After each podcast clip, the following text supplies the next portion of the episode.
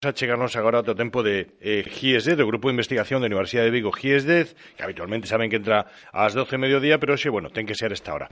Vamos a falar con Rubén eh, González, que o noso eh, próximo convidado, para falar de Servicio de Asistencia Persoal, un novo recurso para a inclusión na diversidade funcional. Bueno, eh, Servicio de Asistencia Persoal, Rubén, moi bo día moi bons días. Bueno, gracias por, por atendernos. Vamos a falar do servicio de, de asistencia persoal. Vamos a situarnos primeiro.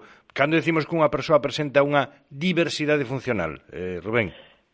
Pois ben, o, o Servicio de Asistente Persoal, como decías, está dedicado ou destinado ás persoas con, con diversidade funcional, que é un concepto similar ao que sería de persoa con discapacidade, e falamos eh, que existe esta situación cando a persoa ten dificultades para a realización das actividades da vida diaria, así como limitacións ahora eh, da participación social. É diferente este, este termo a, ao de dependencia, que si implicaría xa máis pois, que a persoa necesitase eh, da ciudad una, dunha terceira persoa. Uh -huh. eh, neste punto sí que sí que quería incidir na, na importancia da, da linguaxe e de que deben utilizarse eh, pois, termos máis positivos e máis inclusivos.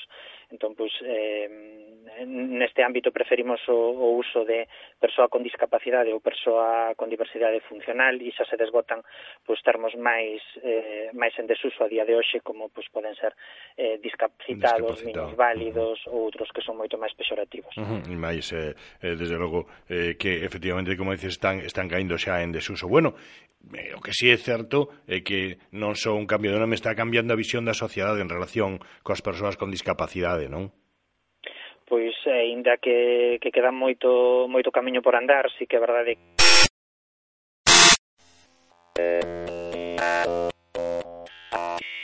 con discapacidade e un, e un punto de inflexión que fixo que isto fose posible eh, na, defeita, na defensa dos dereitos das persoas con discapacidade foi un movimento que, que tivo orixe nos Estados Unidos, é un movimento de vida independente que tamén chegou chegou a España, pero naceu eh, nos anos 60 nos Estados Unidos para a loita eh, do recoñecemento das persoas con discapacidade para poder acceder aos, a, aos títulos universitarios. Uh -huh. eh, iso se transformou tamén pois, nunha defensa máis extensa do que o empoderamento das persoas con discapacidade e na defensa dos seus dereitos. Mm, ben. Eh, dentro de, de, da inclusión que, que, que, que abrangue desde logo moitos aspectos que papel ocupa eh, na inclusión das persoas con discapacidade este servicio de asistencia persoal?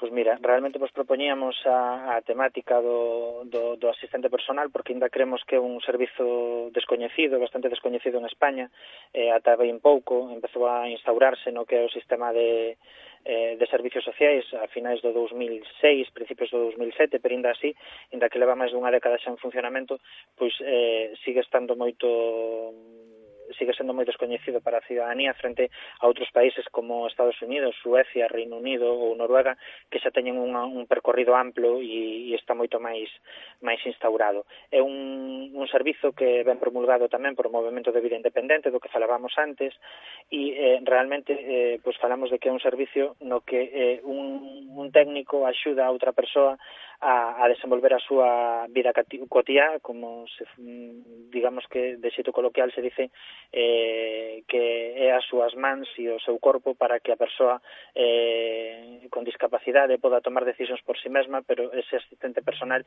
eh, termina complementando aquelas eh, actividades ou funcións que non pode realizar. Uh -huh. eh, que tarefas desenvolve un asistente persoal? pois eh, comprende moitas moitas tarefas, pero compre diferencialo dun servizo que, que a día de hoxe é máis coñecido pola cidadanía como o servicio de axuda no fogar que presta atención nos domicilios, pero que ten particularidades diferentes. Entón, ben a verdade que o asistente persoal fai tarefas de atención persoal, de pues, de prestarlle apoio no, no baño, no aseo, na alimentación, tarefas do fogar, tarefas de acompañamento en xeral para o acceso a todos os servicios, tarefas de apoio na conducción para o tema dos traslados, eh, tarefas de apoio na comunicación, se si existen problemas de, de comunicación mediante sistemas alternativos, pero mm, as tarefas máis eh, características que fai son que comprendemos como tareas de coordinación excepcionais ou especiais. Eh, as tarefas de coordinación teñen moito que ver con, con algo que se, mm, sae nos, medios de, nos medios de comunicación recentemente e ten moito que ver co recoñecemento que se lle outorgou de novo ás persoas con discapacidade a poder exercer o seu dereito a voto. Entón, eh, ten que ver moito co apoio na toma de decisións, eh, respetando que a persoa poida decidir eh, por si sí mesma en todos os ámbitos no que é posible, pero o asistente personal complementa eh, esos puntos nos que, nos que a persoa non, non é capaz de facelo de tomar unha decisión por se mesma. As tarefas excepcionais van moi vinculadas tamén co ámbito da saúde física, pero especialmente da mental, e ten que ver co acompañamento que o asistente persoal eh, realiza naquelas eh, situacións e períodos de crisis, onde a persoa é, é moito máis, máis vulnerable. E as tarefas especiais tamén son un tema controvertido, eh, sobre todo en España, que temos menos percorrido nisto, e teñen que ver coas co apoio nas actividades relacionadas coa, coa esfera eh, sexual e que comprende eh, pues, todo o que é o acompañamento e a, e a preparación. Eh, como dicía antes, eh, estas tarefas vense como algo controvertido en España, adoita pensarse que as persoas con, con discapacidade ou mesmo as persoas maiores tamén eh, non presentan necesidades no, no plano sexual e isto supón eh, entendemos nós non considerar a persoa de xeito integral infantilizando as súas conductas e comportamentos.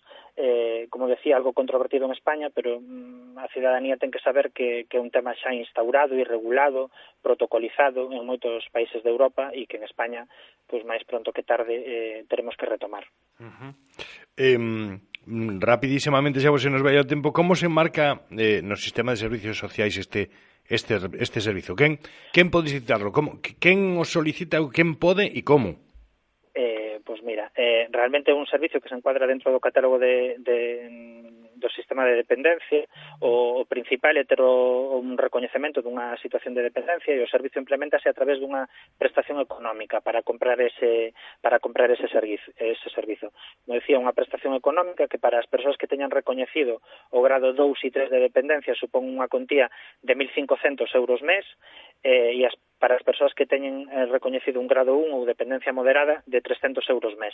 É unha prestación finalista que supón que, que a persoa teña que comprar ese servizo no, no ámbito privado e e, polo tanto, a prestación vai destinada ao salario do asistente persoal, a súa cotización na Seguridade Social, etc. E como me preguntabas tamén para a onde deben dirixirse, pois como todas as prestacións do, do, no marco da dependencia e do Sistema Galego de Servicios Sociais, pois toda a cidadanía que, que este interesada neste recurso caso, debe dirixirse ao, ao seu concello, que é a administración máis próxima, e ali atopará en servicios sociais a un traballador ou a traballadora social de referencia que o pode informar e asesorar de, de todos os trámites necesarios para, para ter acceso a este servizo. Eh, para rematar, eh, é unha eh, prestación demandada pola cidadanía o servicio de asistente persoal?